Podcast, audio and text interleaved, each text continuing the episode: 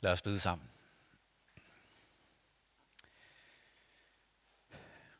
Kære Gud, du ser, at vi kan være bange for at åbne vores knyttede næver. Hvem er vi, når ikke vi holder fast i vores eget? Hvem er vi, når vi står foran dig med tomme hænder? Men hjælp os til at åbne vores hænder og opdage, at vi ikke er, hvad vi ejer, men hvad du giver os. Og først og fremmest giver du os din nåde, din betingelsesløse, uforgængelige kærlighed. Amen.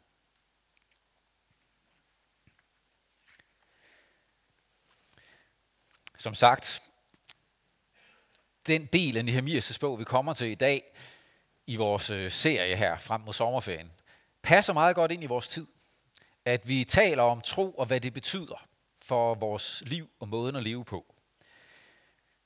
I det her kapitel råber Nehemias op, går i rette med folket, fordi at der er simpelthen noget i deres måde at leve på, som afslører, at de er på afveje. Der er beslutninger, forhold, som afslører, at den retning, deres liv har, er gal. De er på vej ud af en tangent, en forkert retning, i modstrid med den Gud, de stoler på, tror på. Vi vil tage teksten lidt i bidder frem gennem kapitlet, øhm, og til slut spejle os ind i det og sige, hvad er det så, det her vil os? Og situationen kort er jo altså den, at vi læser i Nehemias' bog. En mand, der, hvor, hvor beretningen foregår omkring år 445 før Kristus. Han er vendt tilbage til Jerusalem efter, at det judæiske folk har været i eksil i Babylon. Og han er i spidsen for den tredje større gruppe, der vender hjem til Jerusalem. Hjem til området for at genopbygge byen. Og hovedformålet for Nehemias og den gruppe, der følger ham, er, at nu skal bymuren genopbygges, så der bliver værnet om det der liv, dagliglivet i Jerusalem, og også fromhedslivet med, med templet som omdrejningspunkt. Det skal være beskyttet mod vilkårlige overfald ved nu at få bymuren genopbygget. Vi hørte om sidst, øh, sidste søndag med den ydre modstand, det meget hurtigt vækker, og hvordan Nehemias og folket takler den modstand. De når frem til, at byen, eller at bymuren er bygget op i halv højde. De er godt på vej. Og de har indtaget en øh, måde at arbejde på, hvor halvdelen står vagt, og de andre bygger. Og selv dem, der bygger, har murske i den ene hånd og spyd i den anden. Det fortæller lidt om, hvor, hvor hårdt et pres der er. Nu læser vi så fra kapitel 5, og vi tager det lidt i bidder, så bliver blot siddende undervejs. Vi læser fra begyndelsen af kapitlet. Der lød stærke klager fra folket og deres hustruer mod deres judæiske brødre. Nogle sagde, vi må give vores sønner og døtre i pant, for at vi kan få korn og noget at spise og opretholde livet. Andre sagde, vi må pantsætte vores marker, vingårde og huse, for at vi kan få korn under hungersnøden. Og andre sagde, vi har måttet belåne vores marker og vingårde for at få penge til skatten til kongen. Vi er dog af samme kød og blod som vores brødre, og vores sønner er ligesom deres. Men vi må tvinge vores sønner og døtre i trældom. Ja, nogle af vores døtre er allerede gjort til trælle. Vi står magtesløse, for vores marker og vingårde tilhører andre.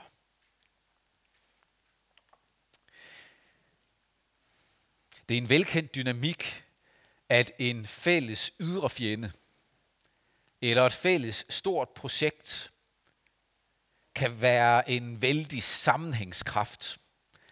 At der er noget udenfor, som vi er fælles om at kæmpe imod. Og det kan opretholde enheden til en tid. Men efter en tid, så er det ikke nok med det fælles ydre så stikker den der indre konflikt, eller de indre uoverensstemmelser, det der ikke er på plads, det bliver ved at stikke hovedet frem, og det kommer måske endda med fornyet styrke, fordi der er altså noget, vi er nødt til at få forholdt os til. Der er noget, vi er nødt til at få gjort op med, begynde at leve anderledes med. Det sted er Nehemias kommet til nu sammen med folket. De er vendt tilbage til et område, som er udplyndret Et, et område, som har lidt under den politik, besættelsespolitik, som var assyrernes, det forrige store rige, der hvor de røg i, i eksil, der var politikken sådan, at man tvangsdeporterede folkegrupper. Og det vil sige, at nogen af judæerne var blevet tvangsforflyttet til Babylon, andre måtte blive boende, men så var der andre folk fra det, om, de omkringliggende lande, som var tvangsdeporteret til at bo der. På den måde fik man skabt områder, hvor folket ikke havde sammenhængskraft. Og det gjorde det sværere at blive enige om et oprør eller slå sig sammen. Det var en smart politik. Men nu er det persernes rige. Deres politik var anderledes. Nu fik man lov at vende hjem, prøve at skabe noget fred, noget genopbygning. Var kommet hjem til et fattigt, udplyndret område, hvor man stadig led under de her deportationer og de mange forskellige folk, som var samlet på forholdsvis lille plads. Og en genopbygning er bekostelig. Det koster. Og som vi jo ser det, også i vores tid, at i krisetider, så er det meget nemt sådan, at de rige bliver rigere, og de fattige fattigere. Og det er det, der også sker her. Der er nogen, der har været tvunget til simpelthen at, og pansætte deres gårde, deres ejendom, endda deres børn. Og de understreger, at nogle af vores døtre er allerede blevet trælle. Når det understreges, så er det fordi, at kulturen var sådan, at hvis man var nødt til at give sin søn som slave, sætte ham i pant, give ham væk til slaveriarbejde eller ulønnet arbejde for at afbetale på en gæld, så var det sådan, at når så gælden var betalt, så fik man sønnen tilbage.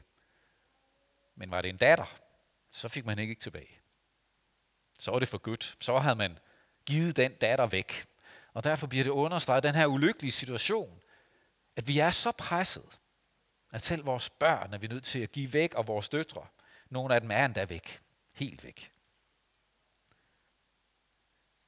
I en situation, hvor man ovenikøbet er kaldt sammen til i fællesskab at bygge på bymuren, og gøre det intenst, mens man både bevogter byen og kæmper for byen og bygger muren op, så er der simpelthen ikke tid og overskud til samtidig at passe sin vingård, sørge for en god høst, eller passe sin forretning, eller bygge sin egen virksomhed op. Alt det der, det er jo nødt til at være sat på pause.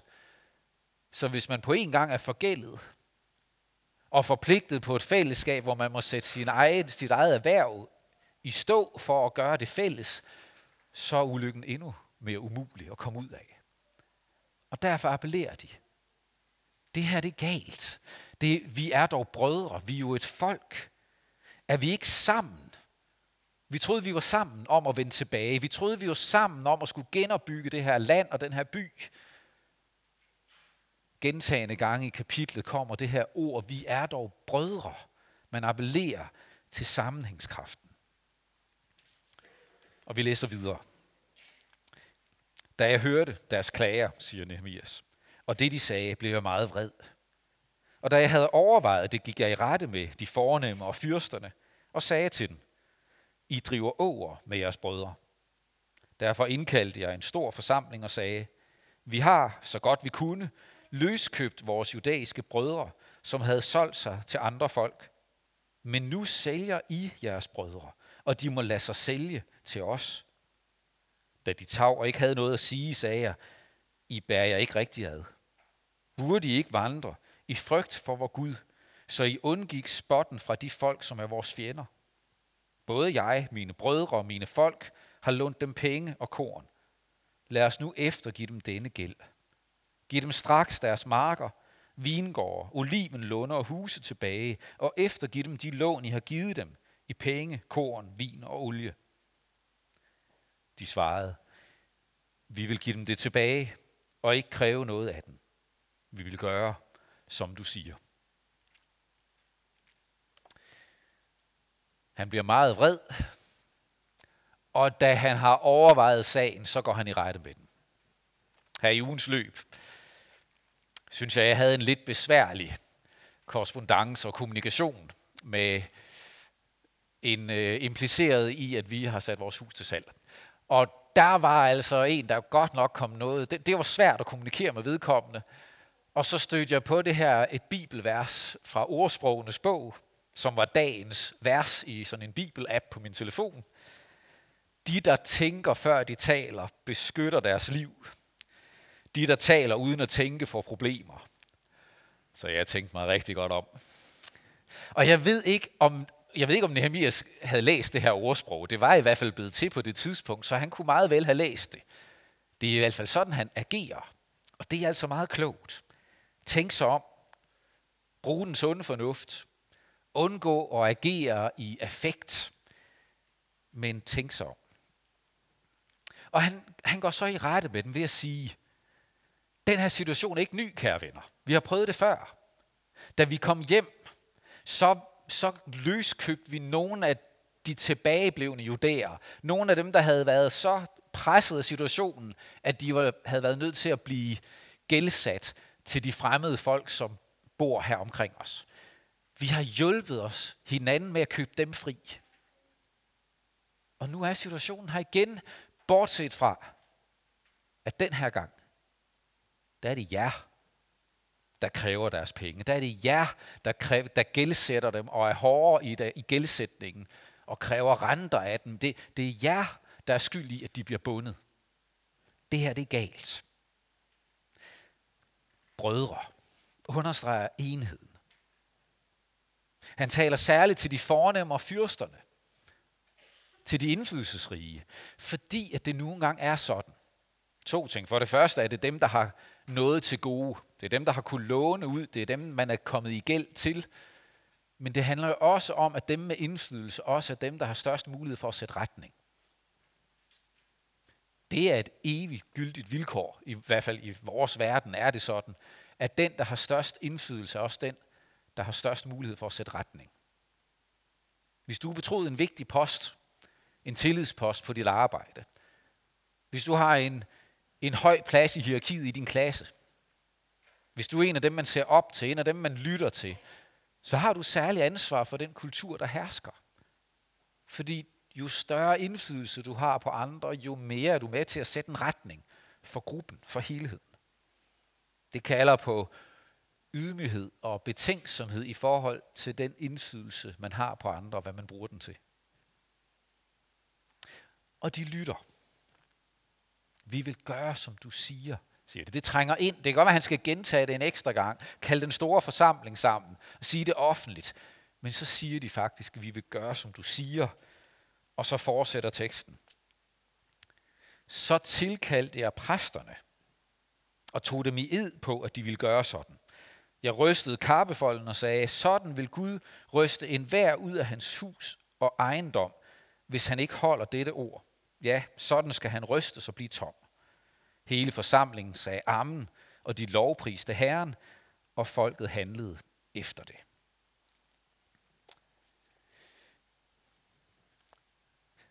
Yes, det er præstehumor måske det her. Men jeg synes, det er lidt sjovt, at han tilkalder præsterne. Det er meget sjældent, jeg bliver tilkaldt. Udover ved bryllupper, så bliver jeg jo tilkaldt, når nogen skal aflægge et løfte så tilkalder man en præst, og så arrangerer man et bryllup, fordi det er vigtigt, at det her løfte ikke kun er givet til mennesker, men til Gud og mennesker. Er Nehemias ude i sådan en... Øh, det, det kan godt virke lidt manipulerende, kan det ikke det? De har jo sagt, vi vil gøre, som du siger. Så er det som om, han spiller lige trumfkortet. Nu trækker han lige Gud ind og siger, åh, og nu skal I lige høre. Og så står han der i sin karpe med folder for neden og ryster alle krummerne ud og siger, hvis nogen af jer ikke gør det, I siger, så ryster Gud sin kappe, så I ryger fuldstændig ud, og at det, det bliver tomt, så er ingenting tilbage. Pas nu på. Det kan godt virke øh, dramatisk, men, jeg, men grund til, at han gør det, er vel den besindelse. Den overvejelse, han har gjort sig. Fordi det, han siger til dem, er jo, at han trækker sandheder frem fra Moseloven sandheden frem for den lov, de som folk havde forpligtet sig på, og det skal være grundlaget for vores fælles liv. Det er vores pagt med Gud. Det her skal vi holde. Og deri finder han vejledning og siger til dem, I skal vandre i frygt for Gud, nemlig ved at holde de befalinger, han har givet os. Og der står, vi tager et par stykker, bare de to af stederne frem nu.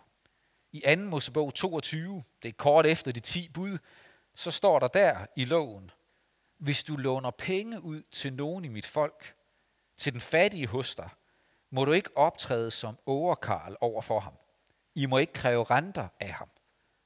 Hvis du tager en anden mands kappe i pant, skal du give den tilbage til ham før solnedgang. Det er det eneste, han har at dække sig med.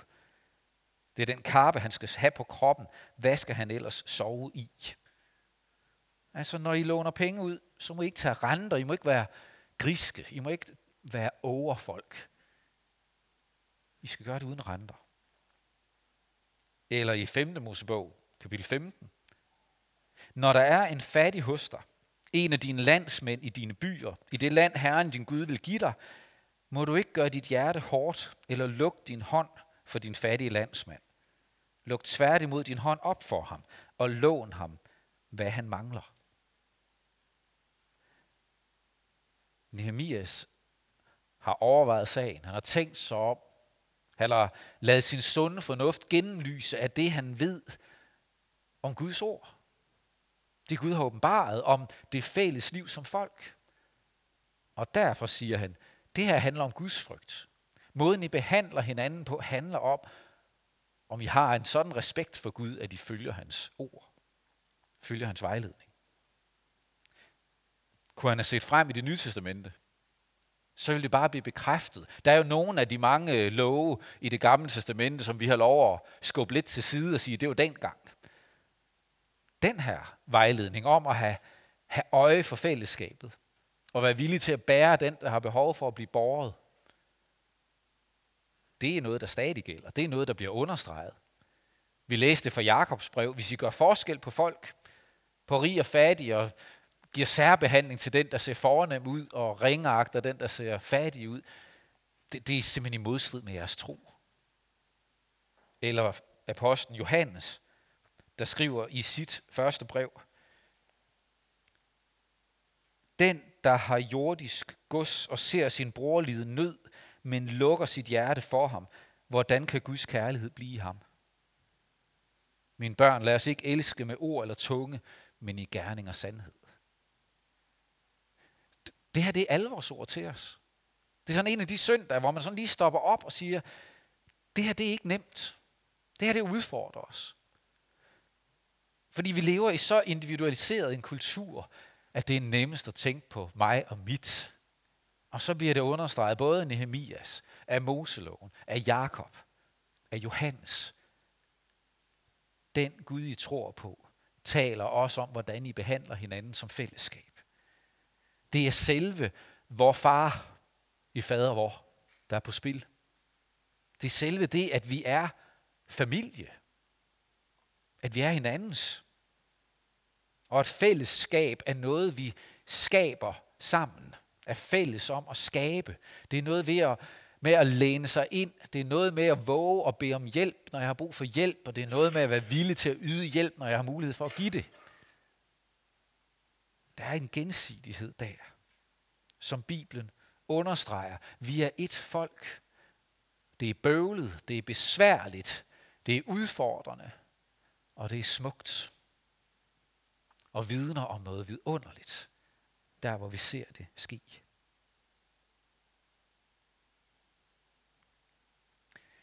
Det er et punkt, vi måske er udfordret på. Også helt konkret i vores gudstjenester lige nu. Og jeg er nødt til bare lige at sige til jer, der kigger med derhjemmefra, den her er ikke øh, sådan lige slag i ansigtet på jer derhjemme, fordi der kan være rigtig gode grunde til at sidde hjemme og se gudstjeneste. Og er det det, man er nødt til, og er det der, man er, så er det bare i orden. Det skal man simpelthen ikke høre et ondt ord om. Men det, jeg gerne vil udfordre, det er der, hvor det bliver et princip for os. Det er der, hvor det bliver et, et standardvalg, at vi tager gudstjenesten derhjemme, når det lige passer. Fordi det er jo bare en videreførelse af vores kultur, hvor Flow TV er virkelig gammeldags. Altså, hvem gider at lade DR og TV2 og de andre bestemme, hvilken serie, jeg skal se, hvornår. Jeg streamer den, når jeg vil, og jeg tager afsnitten i det tempo, jeg har lyst til. Hvem gider at lade tv-udbyderne bestemme, hvilke film vi skal se? Vi vælger en film, vi gerne vil se hos en af filmudbyderne, og så streamer vi det, når det passer. Og sådan kan det bare meget, meget nemt blive også med gudstjenester. På bagkant af corona er det en melding fra stort set alle kirker. Jeg har ikke talt med nogen endnu, som siger, Uh, vi har simpelthen svært ved at få plads til alle de folk, der glæder sig til at komme tilbage i kirke.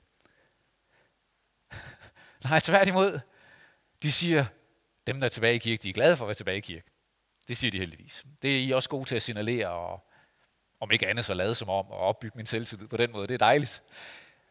Men de siger alle sammen, der er så mange, der har svært ved at komme væk fra streamløsningen igen.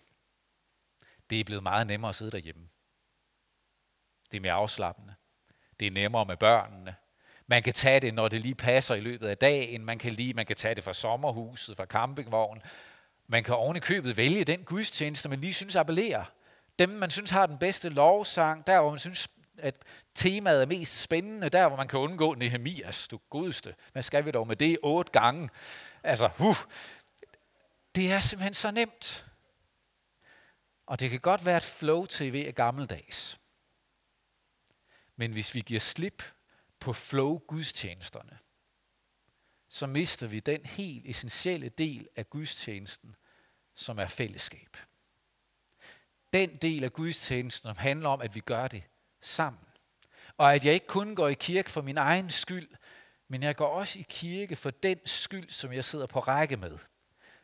For den skyld, som jeg hilser på, på vej ind og ud af kirken. Den, jeg får snakket med.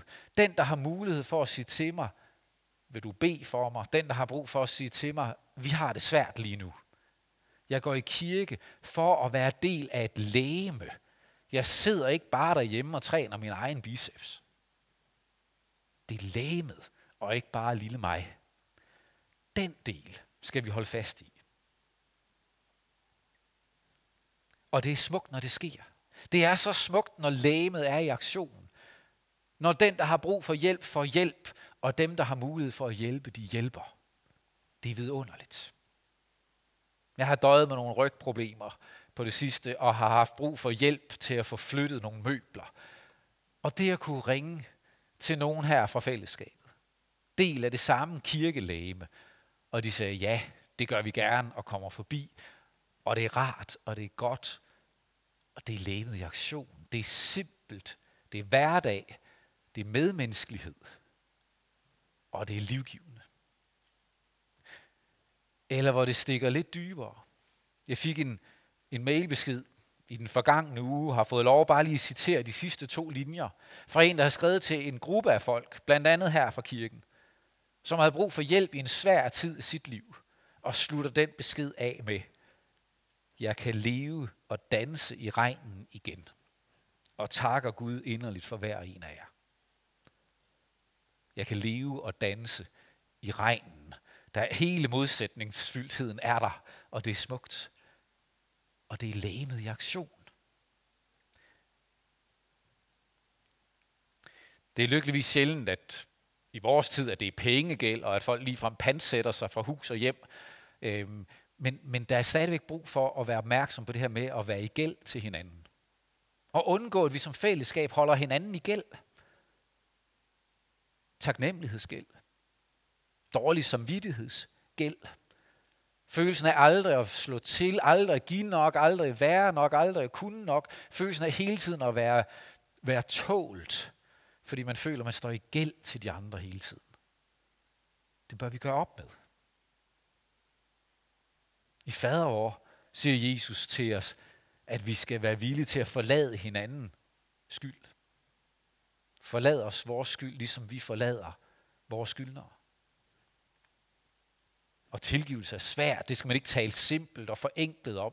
Det er svært. Nogle gange har man brug for hjælp, også til at gå den tilgivelsens vej, og det tager tid.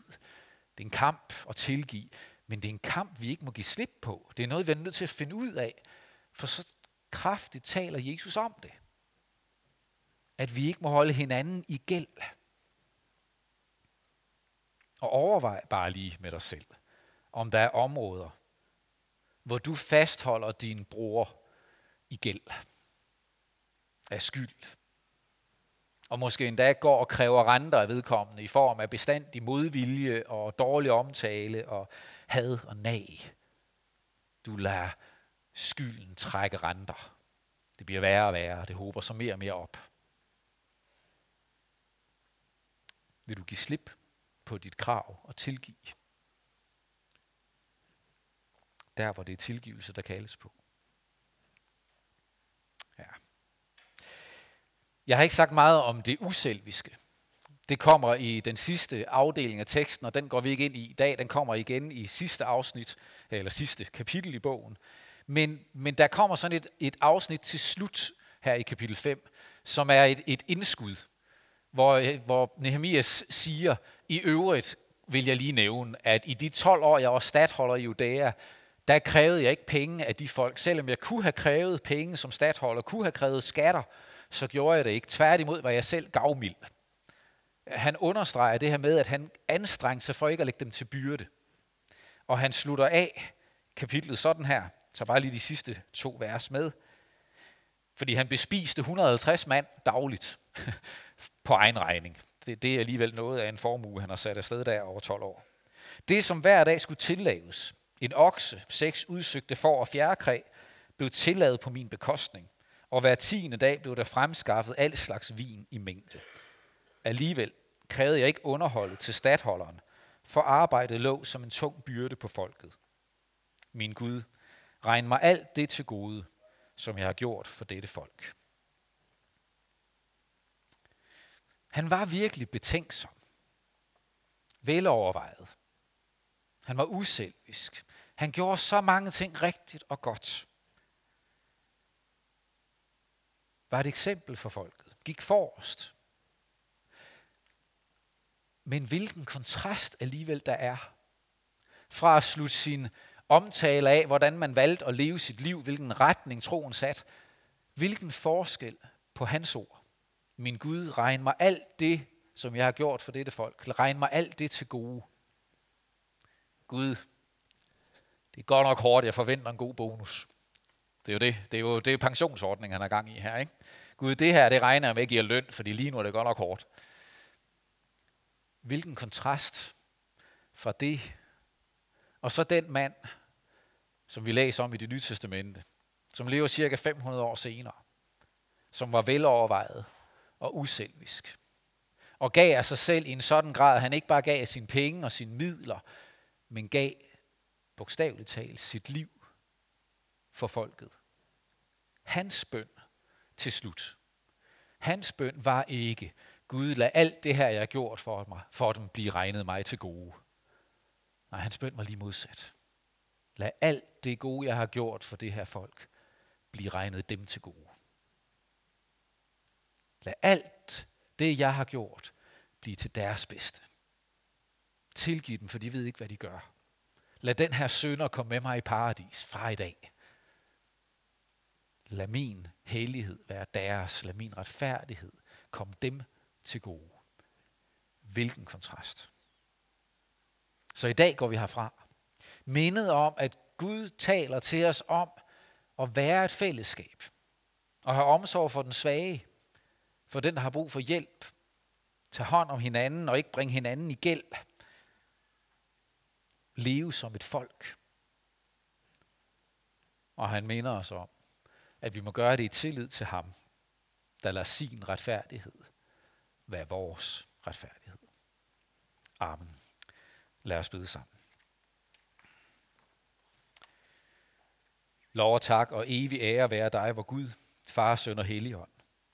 Du som var, er og bliver en sand træen i Gud, højlovet fra første begyndelse, nu og i al evighed. Hellige Gud,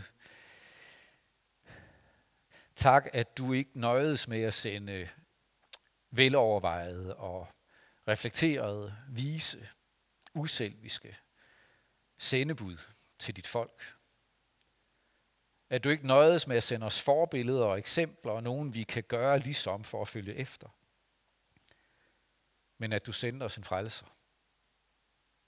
Ham, som gav sit liv for at være til vores retfærdighed. Lad det få lov at være vores startpunkt. Derfra, hvor livet bevæger sig. Det punkt, vi igen og igen har lov at vende tilbage til, når vi fejler, når vi mislykkes. Når vi endnu en gang må besinde os på at være fælles, være et, udvise omsorg og noget som dit folk. Herre, lad os det. Vi beder om, at vi må vokse i indbyrdes kærlighed. Vi beder om, at din kirke må få lov at være fyldt af din kærlighed og præget af den, så det sætter retning for vores liv. I vores kirke, kirkerne i vores by, vores land og ud over verden. Hjælp os til at leve som ambassadører for dit rige, og ikke bringe skam over dig, men bring ære til dit navn. Vi beder for din kirke, hvor den er ramt af forfølgelse og trængsel. Lad dit ord og din ånd være til styrke og trøst. Beder for vores land. Velsign kongehuset, dronningen og hendes familie. Velsign alle med magt og ansvar betroet i folketing og regering, domstole og politi. Lad dem være et værn mod uret og til hjælp for alle. Beder for vores by, vores byråd og vores borgmester Torben Hansen, for børn og unge, daginstitutioner og skoler, for familier og hjem i vores by. Velsign og bevar enhver, som venter et barn. Beskyt både dem og det ufødte barn, de bærer på. Vi beder for alle, der sidder med sorg og savn, fordi de har mistet. De, som lider under sygdom på læge eller sjæl, kæmper med anfægtelser eller manglende livslyst. Kom til os, når vi kæmper med brudte relationer eller et slidt ægteskab. Kom med din kærlighedskraft. Vær nær med din trøst og dit nærvær, og vis os, hvor vi kan være til trøst, velsignelse og opmundring i vores hverdag. Hør, når vi nu hver især i stillhed beder for dem, som du i dag minder os særligt om.